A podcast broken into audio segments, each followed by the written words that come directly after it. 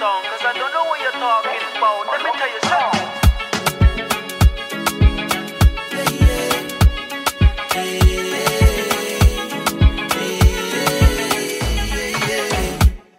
Het is zondag 3 januari, de derde dag van het jaar 2021. We hebben 2020 overleefd. Eh, en ik kies voor een bijzondere guy om dit jaar mijn podcast mee af te trappen. En het is niemand minder dan Jamal Hofwijks. Hoe is het, bro? Gaat lekker man met jou? Goed, goed. Mooi. Fijn dat je hier bent, man. Fijn dat je hier bent. We zien elkaar niet veel. Nee. Eh, maar ik dacht, ik ga je toch uitnodigen, omdat wij eh, een hele bijzondere raakvlak eh, gemeen hebben. Waar we het vandaag over zullen hebben. Allereerst, hoe was je oud opnieuw? Was rustig. Ik heb, ehm, ik ben begonnen met mijn dochters, met mijn gezin zeg maar. Oké. En eh, heb geëindigd met familieleden en vrienden, kennissen. Grote groep? Ja, best wel. Groter dan eigenlijk Dan, dan mocht. ja. Oké, mooi, Ja. mooi. Maar wel goed afgesloten. ja, dat zeker. Dat zeker. Wat heeft 2020 jou geleerd? Wauw. Ehm, eigenlijk meer investeren in mezelf, man. Hmm. Het is, ehm, hoe moet ik het noemen? Ik heb zoveel dingen meegemaakt in 2020 Ja. dat ik eigenlijk meer naar mezelf moet kijken dan naar anderen. Hmm. Dus het is gewoon meer, ja, focus op jezelf. Verbeter de wereld, begin bij jezelf. Ja. Ja. En het- dat wil ik weer uitbreiden in 2021, man. Mooi, dat heb je heel mooi gezegd. Dat heb ik ook wel eh, zo meegekregen. Want je leert mensen ook op een hele andere manier kennen, uiteraard. Yep. Hey, en eh, wat ik zei, ik noemde je een bijzondere guy. Terwijl ik eigenlijk helemaal nog niet zoveel eh, van je af weet. ja. Eh, we hebben de verbinding met elkaar weer te vinden in voetbal, Yes. humor, omgeving, Ja. afkomst Ja. eh, en enigszins cultuur. Ehm, ja, maar goed, één ding dat wij momenteel gemeen hebben, ehm, is dat wij beide vaders zijn van dochters. Jij hebt twee dochters Yes. en al levensfases, eh, levensfases, levensfases meegemaakt waar ik zelf nog doorheen moet. Ik heb er één. Neem ons even mee in het moment dat jij voor het eerst vader werd. Nou, ehm, het moment dat mijn eh, ex beval, bev- wow. beviel van mijn dochter Ja, was ehm, 17 januari 2017. mhm. Dat is mijn eigen dochter, zeg maar. Mijn Mhm. tweede, mijn eerste kind, dat is mijn stiefdochtertje. Oh, oké. Zelf, dat wisten we nog niet, hè? Nee, nee, nee, maar dat is niet erg. Nee, ja. Oké, dus je hebt één kind van jezelf. Ja, één Oké. voor mezelf. Ja? Yes.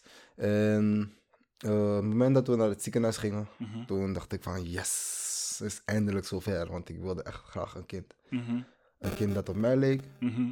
Een kind dat lightskin was. Sorry, ik had eisen. ja, maar en een kind dat net zo grappig is als ik. Gewoon echt mijn kind, zeg maar. Mhm, Een ja. tweede Jamal. Ja. Ja. En deze keer is het de vrouwelijke, ja, het is een vrouwelijke versie geworden. versie geworden van mij. Ja. Ik vond het trouwens ook. eh, ik, ik, ik was gewoon benieuwd naar hoe het allemaal ging. Persen in de, in de kamer. eh, eerste keer kind vasthouden. Pap geven. Wegen. eh navelstreng knippen. Ik was gewoon heel erg benieuwd naar dat. Je was, het klinkt betrokken. Ja. Oké. Mhm. Hoe vond jouw vriendin toen de tijd dat om eigenlijk zo'n betrokken... Nou, ik denk dat ze heel erg blij was dat Ja, ik toch? erbij was. Maar ja, man. Ja. Ja, Ik heb ook echt gewoon meegedaan met het persen. Dat, is, dat vond ik zelf ook mooi. dope, Ja. dope. Zo, dat zie ik ook wel voor me, man. Ja. Dus je hebt eigenlijk alle fases meegemaakt. Je was er ook bij Ja. de gehele zwangerschap. Klopt, ja. Oké. Jullie zijn nu niet meer samen? Nee, nee. Oké. En eh, tweede kind? Dat is eigenlijk mijn stiefkindje. En die kende ik mm, nadat ze geboren was. Ja, drie maanden daarna kende ik, da- kende ik haar al. Ah, en dus ze ziet me al gewoon als haar eigen Als vader. eigen, oké. Heeft ze ook nog een eigen vader in haar leven? Die heeft ze wel, Ja. maar ziet ze niet zo vaak. Oké. Ja. Dus ze, ze ziet jou zelf ook meer Yes. als... eh, De echte vader. de naam van jouw dochter, hoe heet jouw dochter? Eh, Je eigen dochter. Ja, Jaylee. Jaylee. Ja. Oké. Ja. En ze is light skin, hè? Zoals Ja. jij ja, Dus, eh, dus haar afkomst is? Gewoon Surinaams. Surinaams. Dus haar moeder is ook Surinaams. Surinaams, Oké. Een hele lichte Gewoon moeder dus. Ja, Ah, oké. Niet Creools. jawel. Wel Creools. Yep. Light skin Creole. Ja, man. Dat ken ik niet, man. Nee? Nee, nog nooit gezien. Nee, nee, nee. Oké, maar de naam, heb jij hem bedacht? Heb ik bedacht, ja. Oké, hoe, hoe eh, ben je erop gekomen? Ehm het is een hele goede vraag, dat. Ja? Ik wilde gewoon eigenlijk dat mijn kind met een J zou beginnen. ja. Echt man, bro. Eh, en ik was gewoon aan het zoeken. Hm. En eh, J vond ik wel een, een leuke naam. En toen ging Mhm. ik gewoon iets voor erachter zoeken. mhm. En, Iedereen heet Jay, hè? Ja. Iedereen die Ja, licht is. Jay. Dus eh, ik heb gewoon een J lief aangemaakt. Had die moeder enig invloed? Jawel, Of was jij de dominant hierin? 70%. 70%? Ja. Oké, dat is vrij dominant. Ja. Ja. vind je? Ik vind 70% best wel hoog, maar dat, dat is niet erg. Oké, laten we zeggen 65. dat is beter. Ehm, nee, ik heb mijn dochter dus eh V genoemd. ja. En ik wil jou en de luisteraars toch wel even meegeven waarom ik mijn dochter eh, V heb genoemd. Ik ben benieuwd. V is een, eh, is een personage in het spel God of War. Ken je God of War? Ik ken het, ja. Heb je het gespeeld? Ik heb het wel eens gespeeld, maar ik ben er niet echt in verdiept. Hey, die maar. game is zo hard. Ja. Dat is voor mij de tofste game. Maar V is Mhm. de vrouw van Kratos en de moeder van Atreus.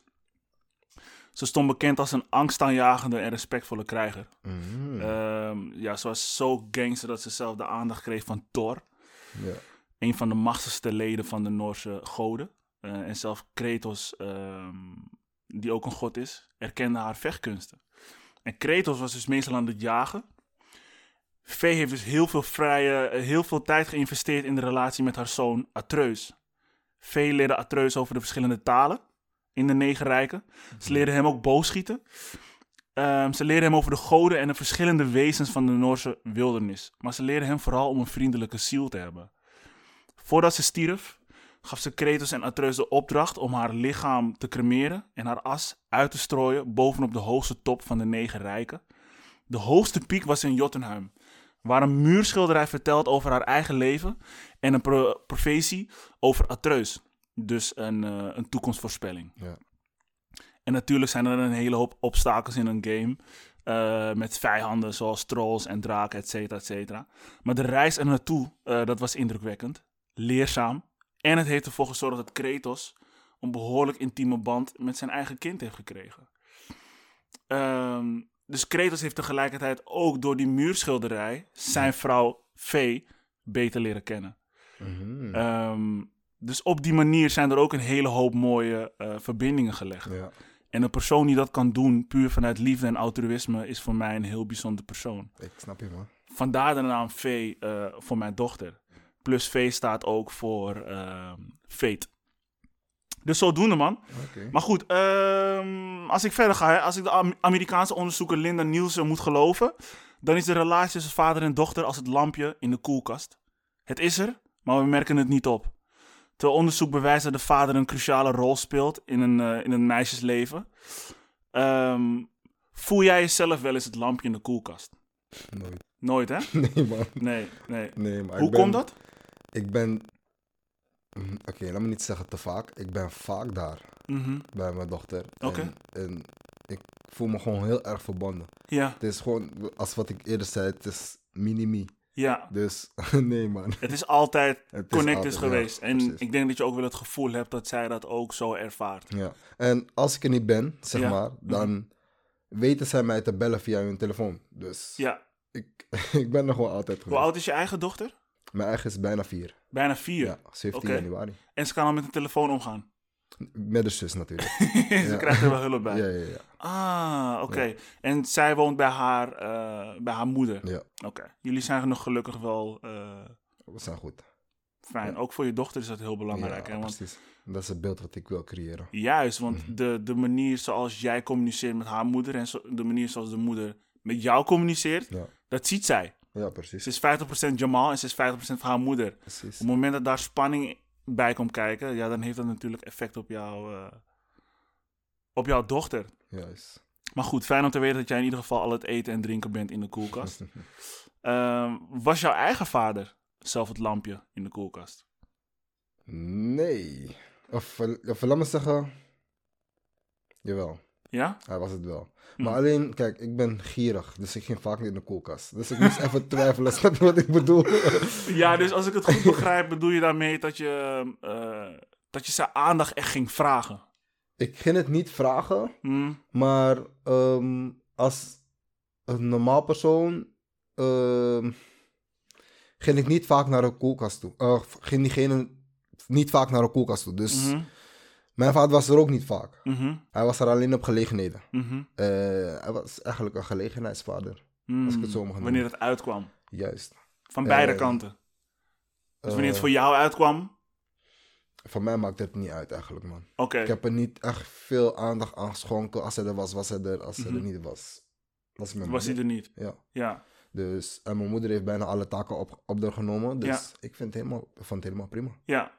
Merk je dan door de afwezigheid van jouw vader, dat jij daardoor wel meer aanwezig wilt zijn bij jouw dochters? Dat eh, zeker. Ja. Ik heb mezelf ook eh, voorgelegd van als ik een kind Krijg. zou krijgen, Ja. dan wil ik niet zijn net als hoe mijn vader bij mij was. ja, snap ik. Dan wil ik er gewoon volledig zijn bij mijn dochter. Ja. Ja, is ook een soort van drijfveer voor jou. eh. Juist. Ik denk dat jij precies hetzelfde hebt gehad. Nou ja, bij mij is het wel iets anders. Kijk, ik- mijn, mijn, mijn vader is... ehm, Jij bent met je vader opgegroeid, hè? ik deels. Ja. Tot mijn 16 heb ik bij mijn moeder gewoond. En als Mhm. ik het goed heb, zijn mijn ouders gaan scheiden toen, toen ik zeven was. En toen is mijn vader hier in Gein komen wonen. Ja. Maar er is een periode geweest dat ik niet heel veel contact heb gehad met mijn vader. En ik denk dat dat ook puur te maken heeft met een moeder die er een beetje tussen zit.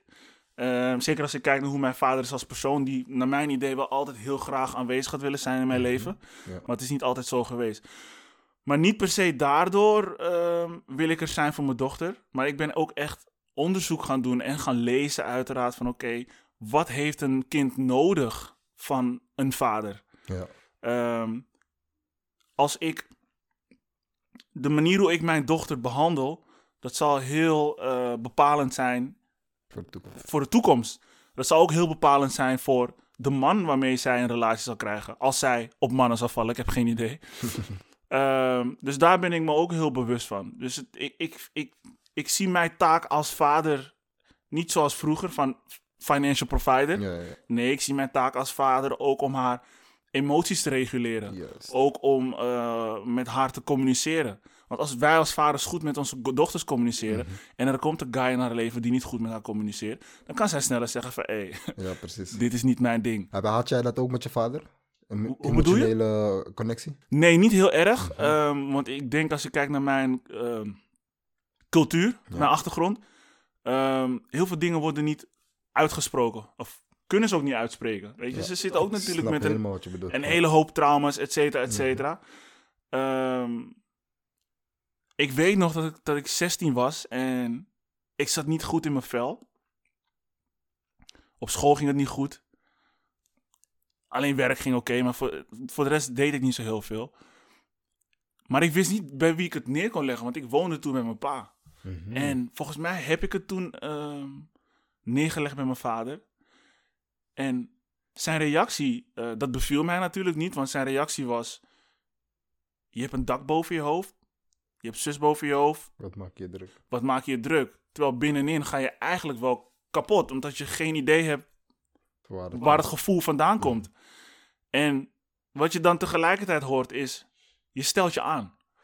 En dat is best wel een, een pijnlijk gevoel, eh, wat ik mijn dochter nooit zou willen geven. Want als zij ergens mee zit, hoe goed, zij, het- hoe goed wij het financieel ook hebben, zij zit ergens mee. Ja. Dus dan, is het, dan vind ik dat het mijn taak is als vader om naar haar te luisteren. Ehm, en ik verwijt mijn vader helemaal niets, hè. Ook mijn Mhm. moeder niet, want zij hebben hun best gedaan met alle kennis die ze hebben. Zoals wij ons best gaan doen met de Precies. kennis die wij nu hebben. Dus ehm, ik denk dat wij ook alleen maar kunnen leren van eh, de omgeving waar wij, eh, waar wij uit zijn gekomen. Daarom ben ik blij dat je me hebt uitgenodigd, man. Ja, hè? Ja, man. Zeker. Ben je een, een, eh, ben je een beschermende vader? zeker. En hoe moet ik dat voor, voor me zien? Ehm, eh, als er iets is, zeg maar, Mhm. ben ik, ben ik wel altijd benieuwd eh, wat er aan de hand is. Dan Mhm. stel ik vragen. soms kan ik ook boos zijn. Maar dan Mhm. denk ik van, oké, ze zijn nog kinderen, je weet toch? Dan het moet- nodig om boos is te het zijn? nodig, precies. Mm, En dan st- stel je gewoon een vraag. Soms hebben ze even tijd nodig om, om naar je toe te komen. Om, die, om die vraag te beantwoorden. En soms merk ik gewoon dat, eh, dat, dat ze meteen naar me toe komen en zeggen van papa er is iets aan de hand. En Mm. je weet toch, dus Mm. ik, ben, ik wil er gewoon graag voor ze zijn. Ja, mooi dat ze naar jou toe komen van papa, er is iets aan de hand. Ja, ja, Want in vele gevallen gaan meisjes toch naar hun moeder toe. ja. Maar blijkbaar omdat je als vader ook gewoon heel open bent en, en luistert, durft ze naar je toe te komen. Dat, is, eh, dat vind ik een hele mooie, man. Hele mooie. Ehm, geloof je erin dat de relatie van jouw eh, dochters ehm, op latere leeftijd kunnen zijn met mannen die op jou lijken? Ik denk het wel. Hmm. Ik weet niet waarom ik dat zeg. Mhm. Misschien meer omdat ehm, ik merk dat ik af en toe op mijn vader lijk. Mm, In het doen en laten. Laat me zeggen voorheen. Oké. Ik, ik vind dat ik de afgelopen jaren wel echt rustig ben geworden. Mhm. En dat, ik weet niet, dat kinderen kijken naar hun ouders. Mhm. En ik denk dat mijn dochters wel eh, zullen zeggen van, hey, ik wil een man net als mijn vader, zeg maar. Mm, Dat denk ik. ja. En hoe zie jij dat jij steeds meer op je vader lijkt? Ehm, bepaalde manieren, hoe ik vroeger met dames omging, zeg maar. Oké, Mijn vader heeft ook, zeg maar, heel wat vrouwen gehad. oké. En Een Rolling Stone eigenlijk. dat denkt hij tenminste. Oké. maar ehm, kijk, ja, ik was ook zoekende. Oké. En het ging niet altijd goed. En op een gegeven moment. Dan Wat ging je altijd goed? eh, het zoeken naar, een, naar liefde. Oké. En ehm, op een gegeven moment ga je denken: van, Weet je wat, Jamal, je moet, eh, denk ik, een paar stappen achteruit doen. Mhm, En stoppen met zoeken. En Mhm. gewoon eigenlijk focussen op jezelf. mhm, En dat heb ik een paar jaar geleden gedaan. Eh, dit jaar, of nee, 2020 werd het wat helder, zeg maar. En daardoor ben ik gaan focussen op mezelf. En ik denk dat ik die verbinding met mijn vader meer heb los kunnen laten twee jaar terug. In de zin van. Dus als ik het goed begrijp, je geeft aan, je was zoekende naar liefde. Ja. Idem dito. En was het dan een beetje vragen naar de liefde van je vader? Waarvan jij nu zegt, eh, zoiets hebt van, ik heb dat los kunnen laten. Ik heb mezelf wat meer geaccepteerd. Ik heb mijn zelfwaardering opgekrikt. Ik ga me nu focussen op mezelf. Ik denk het wel, man. Ja? Ik denk het wel. Oké. Waarom ik dit zeg? Ehm, ik heb ook een broertje. Mhm. Mijn broertje, die is eh, drie of vier jaartjes jonger dan mij. Mhm. En hij heeft een paar jaar geleden Mhm. zijn moeder verloren. Oké. En mijn broertje en mijn vader, die waren nooit zo goed als ik en mijn vader. Mhm. Dus hun band was nog slechter. Nog slechter, ja. Ja. En ik merkte gewoon dat hij geen, ehm, geen moeite deed om mijn broertje te helpen. Oké. Hij legde de, de Maar in welke, in welke zin moest hij jouw broertje helpen? Gewoon steun heb je ja, steun. Oké, ja. ja. ja. En ehm, mensen zullen altijd eerst naar de ander kijken Mhm. voordat ze de schuld bij zichzelf leggen. En dat Mhm. had mijn vader dus. Of Ja. heeft mijn vader. Ik weet niet hoe het nu zit. Maar, Vorm ehm, van slachtofferrol. Juist. Mhm. En daardoor heb ik kunnen zien dat ik naar mezelf moest kijken. En, en eh, kunnen zeggen van Jamal, kijk jij maar hoe jij je broertje kan helpen. En Mm, verwacht het niet van een... Van een juist, ja, van een ander. Of in dit geval mijn vader. ja. En ehm, ja, sindsdien heb ik dus mijn verbinding met mijn vader kunnen loslaten. En Mhm, heb, heb ik kunnen zeggen van, hey Jamal, focus je op jezelf. mhm, Dat is het beste wat je nu kan doen. Het beste wat je altijd kan doen eigenlijk. mhm. En als het wat beter gaat, dan kan je weer denken van... Hé hey Jamal, je kan die helpen, je kan zus helpen, je kan dit doen. Je kan, je toch, Ja. steeds stappen ondernemen om Ja. mensen te kunnen helpen. Goeie. Ja, je kan moeilijk mensen helpen als je zelf niet geholpen hebt. Precies. En daar, dat is, de, dat is de basis. Ik wist trouwens ook niet dat je een broertje had. Dus Nee. het is ook een nieuwe informatie voor Van mij. mijn vaders kant meer. Van je vaders kant. Mhm. Heb je goed contact met je broertje? Heel goed. Oké, Ja, ja, ja. oké. Komt dat ook door het overlijden van zijn moeder? Of is het altijd al, is altijd al zo al geweest. sterk geweest? Yes. Ah, oké. Bijzonder dat ehm, enkele gebeurtenissen, die voor sommigen niet leuk zijn, in dit geval voor je broertje, een hele positieve effect kunnen hebben op jouzelf. Zeker. Weet je, want misschien als het niet gebeurd was, wat, wie was Jamal nu geweest? Ja, ja. Weet je, dus dat is wel eh, ja, een hele bijzondere man. hey, en als je dan kijkt naar ehm, het stukje mannelijke kwetsbaarheid. Hè? Dat er in veel gevallen er gewoon niet is. En niet te vergeten in vele culturen ook gewoon niet mag zijn. Ehm, ja, dat kan best schadelijk zijn voor vrouwen. Eh, heb je dat ook opgemerkt in je eigen omgeving? Dus de vrouwen in je eigen omgeving. Misschien nichten, tantes. Bro, ik heb erg veel vrouwen in mijn familie. Oké, oké. En ik ga met hun allemaal heel goed om. Mhm.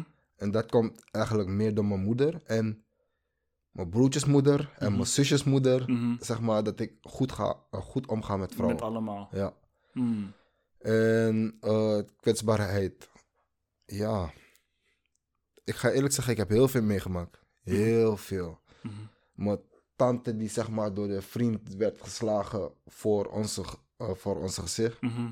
Ehm, feestjes die altijd hinderlijk afliepen. Mhm. Ehm, ja, ik heb echt veel meegemaakt, man, bro. Mhm. Dus ja, Maar kom je dan, kom je dan ehm, ehm, uit, een, uit een omgeving waar het vrij open was? Want zoals ik jou ken als persoon, hè, ook Ja. als ik kijk naar de manier hoe jij voetbalt en hoe jij manoeuvreert door het leven, Mhm. ben jij, naar mijn idee, geen man met een hele grote ego. Je bent best wel een kwetsbare guy. Ook als ik zie hoe je met je kinderen ik omgaat. ben een hele emotie- Ja. emotionele jongen. Ja, ja. Ja, dan, dan denk ik bij mezelf, oké, waar komt dat vandaan? Denk jij? Ik, ik zou mijn sterrenbeeld de schuld geven, man. Ja, hè? Ja, Oké. Ja, Is je man. moeder ook een open persoon? Eh, iets minder dan ik, denk ik. Oké. Maar Ja. qua communicatie? Is ze wel heel goed, ja. Oké. Dus dat kan ook zeker ehm, ermee... Ja, ja, zeker. Ze hebben me heel veel geleerd. Ja, precies. Ja. Dus de communicatie die was er, eh, Zeker. was er wel. Ja. Oké, nou dat is, het dat is een hele positieve. Ja, ja. Ben je van mening dat de vader even belangrijk is als de moeder? Mm, ik geef de vader dan 45% 45 procent. Ja, man. Oké, en wat maakt het dat je het 45 procent geeft? Omdat ehm, iedereen weet dat de moeder het belangrijkste is. Mhm. Maar ehm, de vader, die hoort er ook te zijn. Niet Mhm. op vlakken als met vrouwen, zeg maar. Mhm. Vrouwen die, ehm, die kunnen heel emotioneel overkomen. Mhm.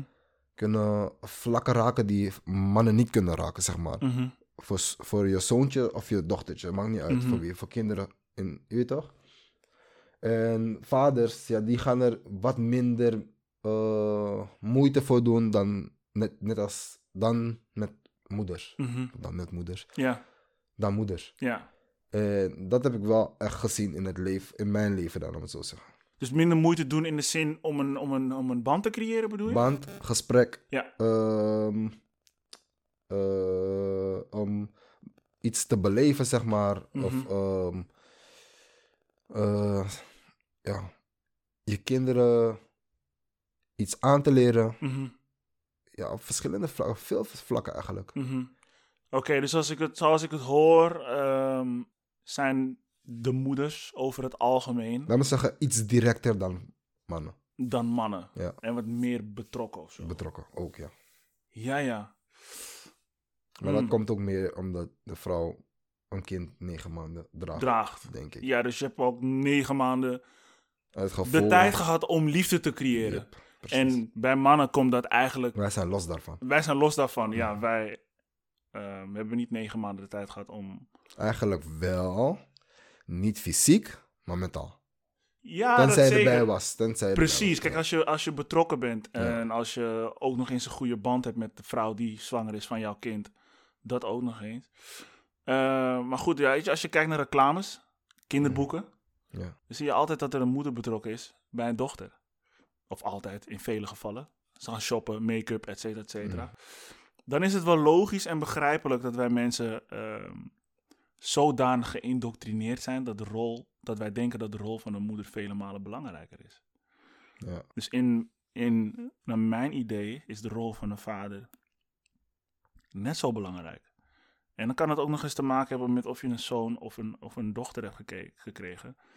Ehm, Dus jij geeft het 50-50. ja, ik geef het 50-50. En het is hetzelfde als de vraag die ik je stelde: van denk je dat jouw dochter ehm, later op mannen zal vallen die op jou lijken? Mhm. Als je aanwezig bent in het leven van jouw dochter, dan is de kans heel groot dat ze op mannen zullen vallen die op jou lijken. Ja. Kijk, en waarom ik het ook zo belangrijk vind en fijn vind om te horen dat je aanwezig bent. Ik weet niet of, of, of de moeder van jouw kind een nieuwe vriend heeft. Dat weet ik ook niet. Maakt op zich ook niet uit. Ja. Maar stel, hè, zij krijgt een nieuwe vriend. Mhm. Toch? En die nieuwe vriend communiceert met haar op een vrij agressieve manier. Verbaal, misschien ook, eh, of, of non-verbaal en misschien ook verbaal. Dat maakt voor nu even niet uit. Mhm. Maar het is agressief. Het is niet de manier zoals jij communiceert met, jou, met, met, met de moeder van jouw kind. En het is ook niet de manier zoals jij wilt dat jouw kind het moet zien. Wat dan vooral nu belangrijk is, is dat jij aanwezig bent in het leven van jouw kind. Wanneer zij later een relatie krijgt met een guy, die precies op dezelfde manier communiceert zoals, hij, zoals die guy communiceert met haar moeder, Ja, ja. is de kans heel groot dat jouw dochter ook zoiets heeft van ja, blijkbaar hoor ik ook gewoon Hoort het hier zo. te blijven. Hoort, ja, Ja. hoort het zo te zijn. Ik weet niet beter. Dit is hoe ik mijzelf waardeer. En alleen daarom vind ik een vader al, al heel belangrijk. En je ziet het ook in, het, in, het, in een, in een, ehm, ehm, in een corporate world, zeg maar. Dus in een commerciële wereld. Mhm. Veel mensen die in een commerciële wereld werken, die hebben een bepaalde bewijsdrang. 9 van de 10 keer werk je dan niet in een commerciële wereld. Waar komt die bewijsdrang vandaan? En een bewijsdrang komt vaak van een plek dat jij nog niet het gevoel hebt dat je geaccepteerd bent. Voldoening. Voldoening, juist. En dat is mijn taak. Of jouw taak in dit geval. Dat ik mijn dochter nu al het gevoel moet hebben gegeven van... Ik ben al trots op jou. Ja. Je hoeft daar niet voor Te, presteren. Ja. En ja, ik denk dat wij beide wel uit de omgeving komen waar, waarin je eerst ehm, moet presteren voordat iemand trots op jou kan zijn. Ja. En dan, eh, en dan krijg je dit soort dingen. Dus ja, we zijn, we zijn best wel belangrijke figuren in het leven van onze dochter, dochters. Ja, maar je hebt me nog steeds niet overtuigd dat een man, dat, ja, dat het 50-50 50 moet is. zijn. Ja, man. Oké, nou ja, ik weet niet of het per se mijn taak is om jou te overtuigen, Ja, maar nee, nee, ik snap je. Maar het is ook meer voor de luisteraars. En ja, daarom geef ik nog steeds eh 45 aan de man en Mm. 55 aan de vrouw. Hmm. Nou ja, het stukje, die, die rode draad, hè? Ja. Die, die, ja, die rode draad, die bewijsdrang. En je ziet het in, je ziet het overal. Het klinkt misschien heel eh, generaliserend, maar als je kijkt naar de entertainmentwereld, Ja. dus sport, eh, dus dan heb ik het over basketbal, voetbal, et cetera, et cetera. Ja. Heel veel van die mensen die zo'n sport beoefenen, vooral turnen ook. Turnen is ook lijp hoor. Die eh, kunnen wel zeggen van ja, ik heb fantastische ouders. Ze staan altijd achter mij. Mm. Maar die ouders pushen ze tegelijkertijd wel een bepaalde richting in. Omdat die ouders of die vader of die moeder nog wel een bepaalde droom hebben voor hunzelf. Ja, die ze zelf niet verwezenlijk hebben. Klopt. Dus jij gaat het maar voor mij uitvoeren. En die kinderen zijn daar zo niet eens bewust van. Dat ze zelf niet eens de... Keuze hebben om, om te Ja. kijken wat ze zelf willen Ze hebben zelf niet eens door dat, eh, dat ze eigenlijk voor iemand anders aan het werk zijn. Mhm. En dat soort dingen kunnen heel schadelijk zijn voor jezelf. Maar het kan ook een hele hoop trauma's opleveren. Mhm. En die trauma's die je opslaat in je lichaam, dat, daar kan je ook daadwerkelijk gewoon ziek van worden. Bij voetbal zag ik dat ook vaak, man. Wat bedoel je? Dat, eh, kin- dat ouders hun kinderen pushen om, je weet toch, Mm. een voetballer te worden. Ja. Terwijl kinderen iets anders willen doen. willen. Ja, en dat- je ziet het nu nog steeds, in, Mhm. misschien ook in onze omgeving, van, van, eh, boys krijgen jongens. Ja, ja. hij gaat op voetbal.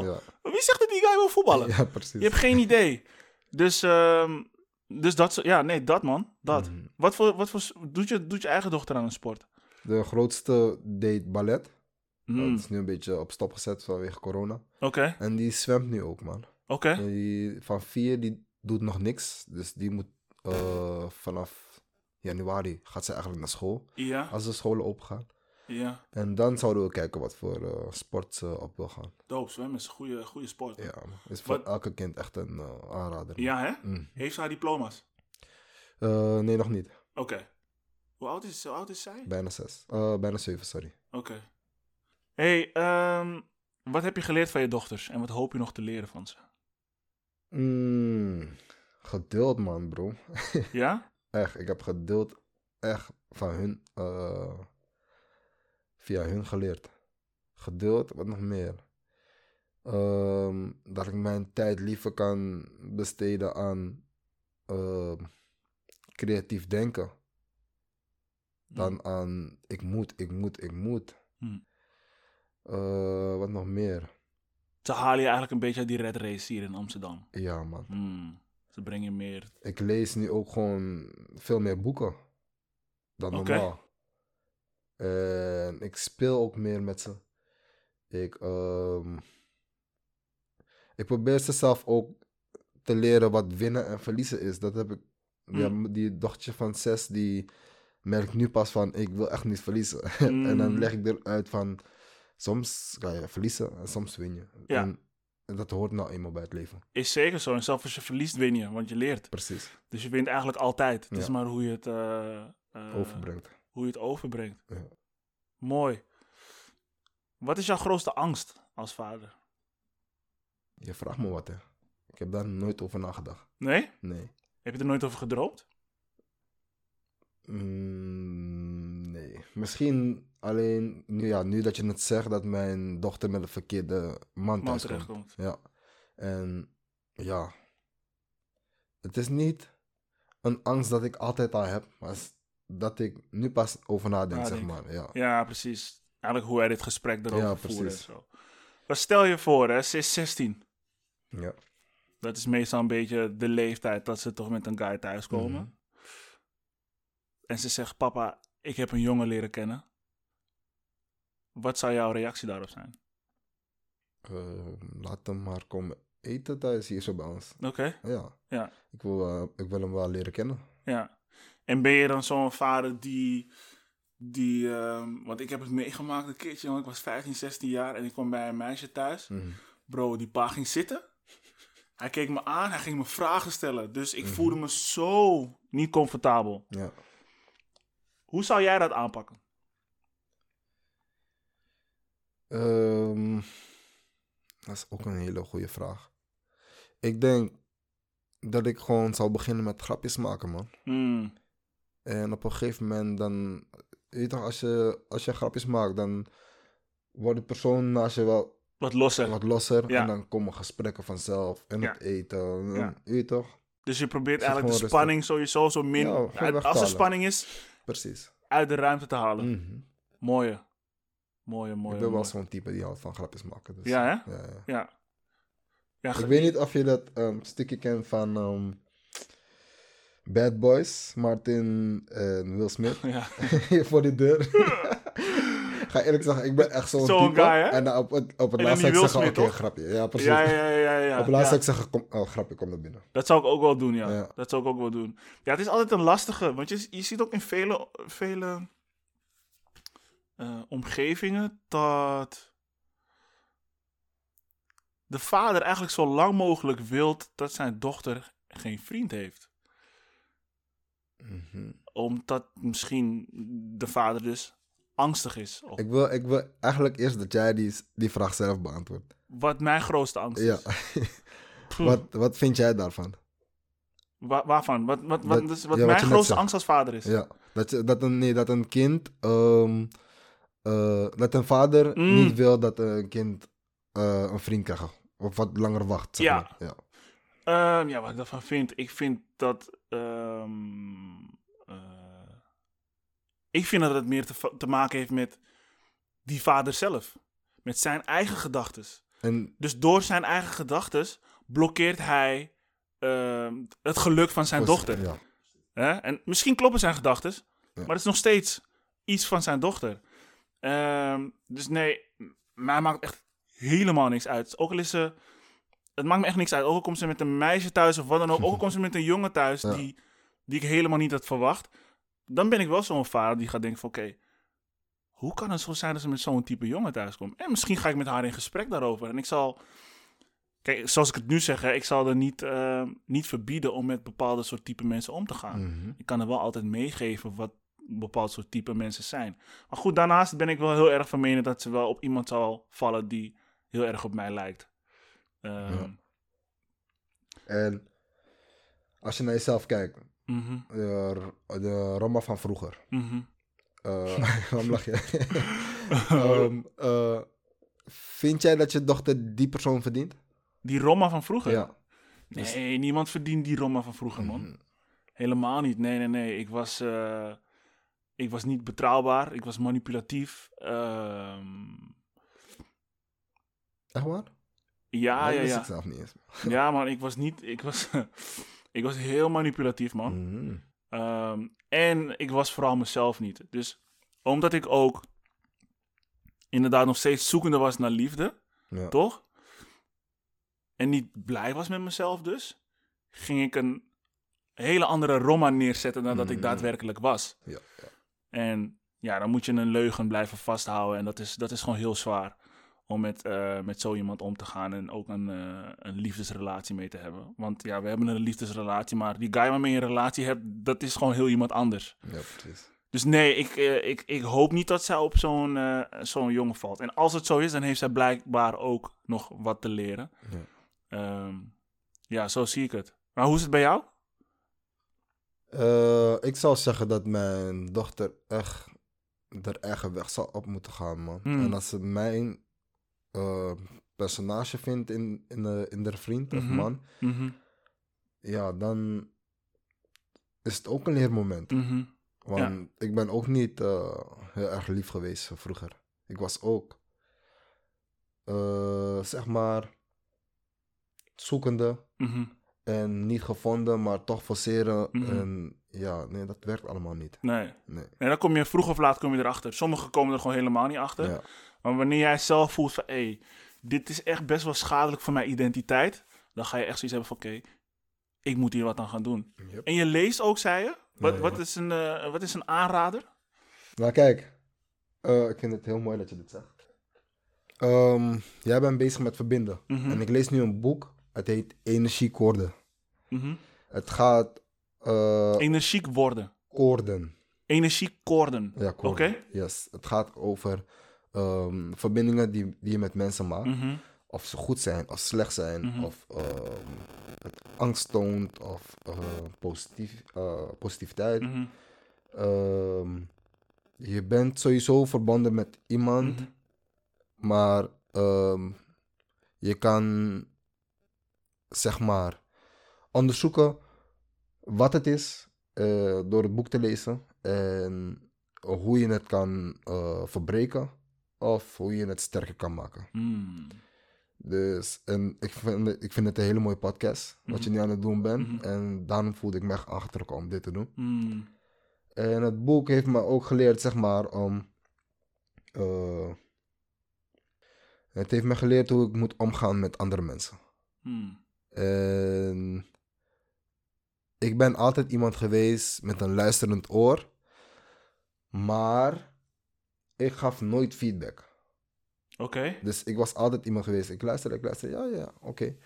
Maar nu ben ik juist de persoon geweest van, oké, ik luister. En ik wil ook mijn zegje doen. Mhm. En wat je daarmee doet, is aan jou. Ja, ja. Maar ehm, ik wil wel dat je er iets mee, eh, mee gaat doen, zeg Ja. maar. En het boek, dat is in mijn, voor mijzelf is dat heel goed gevallen. Mm. Ik ben dichter bij familie gekomen. Ik heb ontdekt eh, wat mijn eh, wat, nee, ik- laat me zo zeggen. Ik ontdek wat mijn doelen zijn, wat mijn, eh, ik, ik, ik heb mijn doelen gaan verrijken. Mhm. Ehm, wat nog meer? Ja, ik ben gewoon echt positief opgestaan, man. Laat me zo zeggen. Hm. En het negatieve, dat, dat heb ik echt achter me gelaten.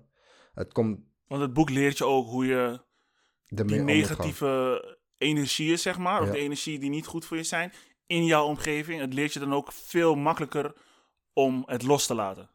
Niet makkelijker, Oké, maar het leert je het wel verbreken. oké. En het heeft stappen, zeg maar. Eh, niet alles gaat 1, 2, 3. Mhm, En daarvoor moet je ook geduld hebben. mhm. Ja. Ja. Mooi man. Energiekoorden heet het boek. Ja, man. Oké. Ik heb nog wat te lezen, man. Een aanrader, man. Energiekoorden. Ik zal checken. Wil je nog meer kinderen? Ja.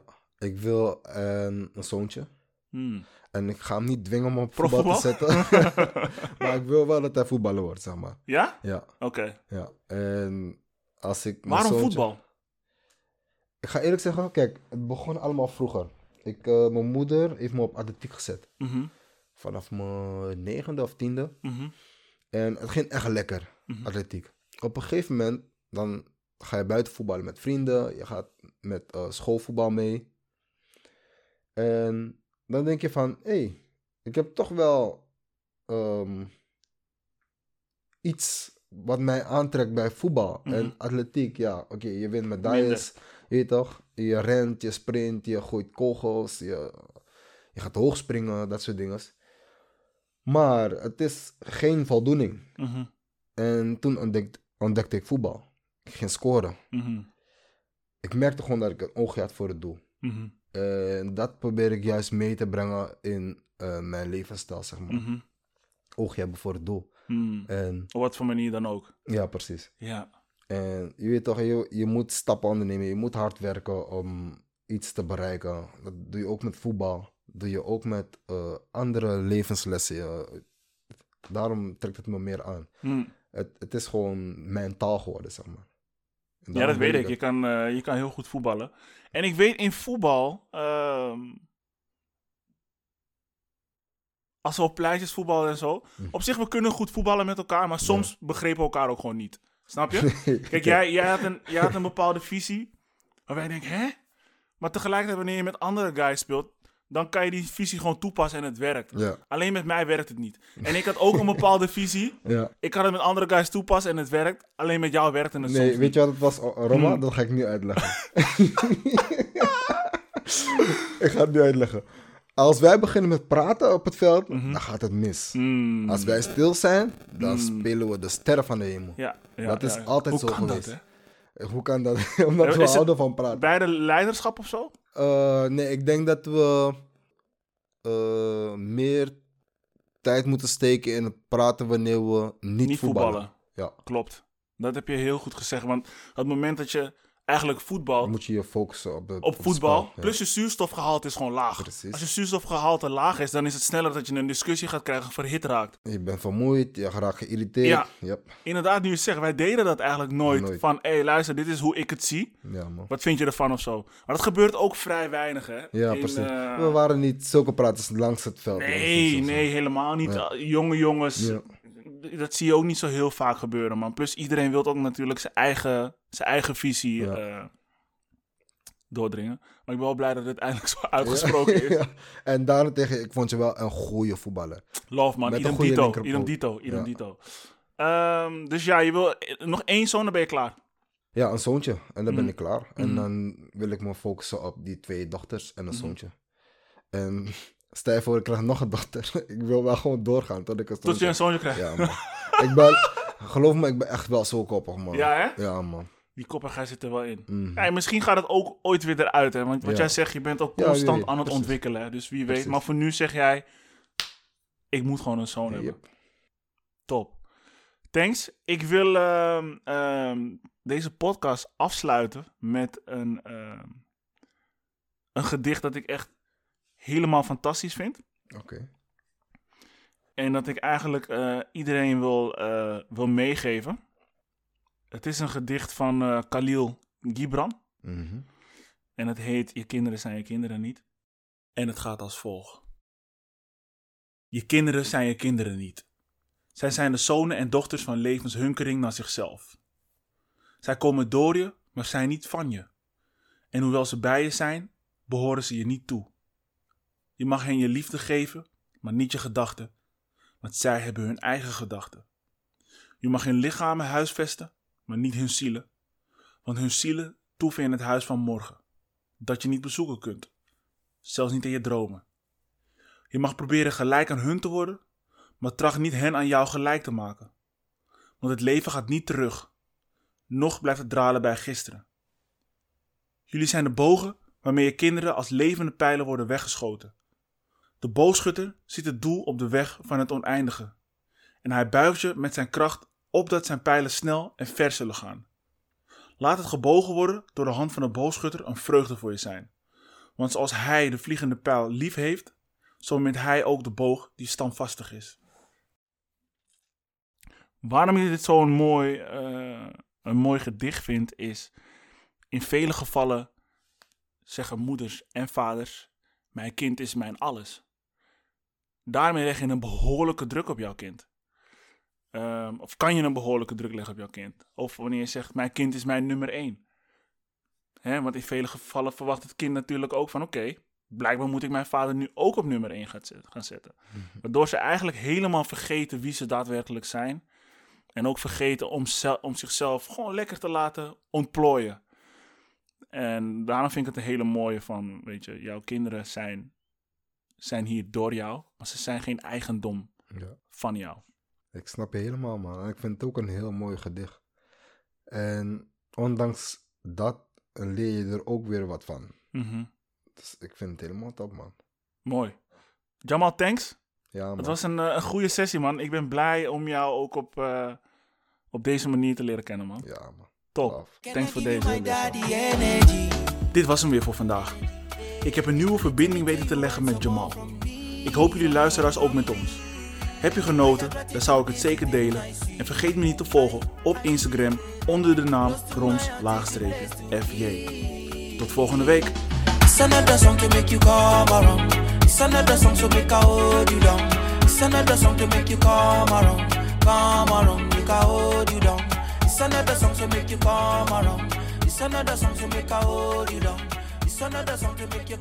around.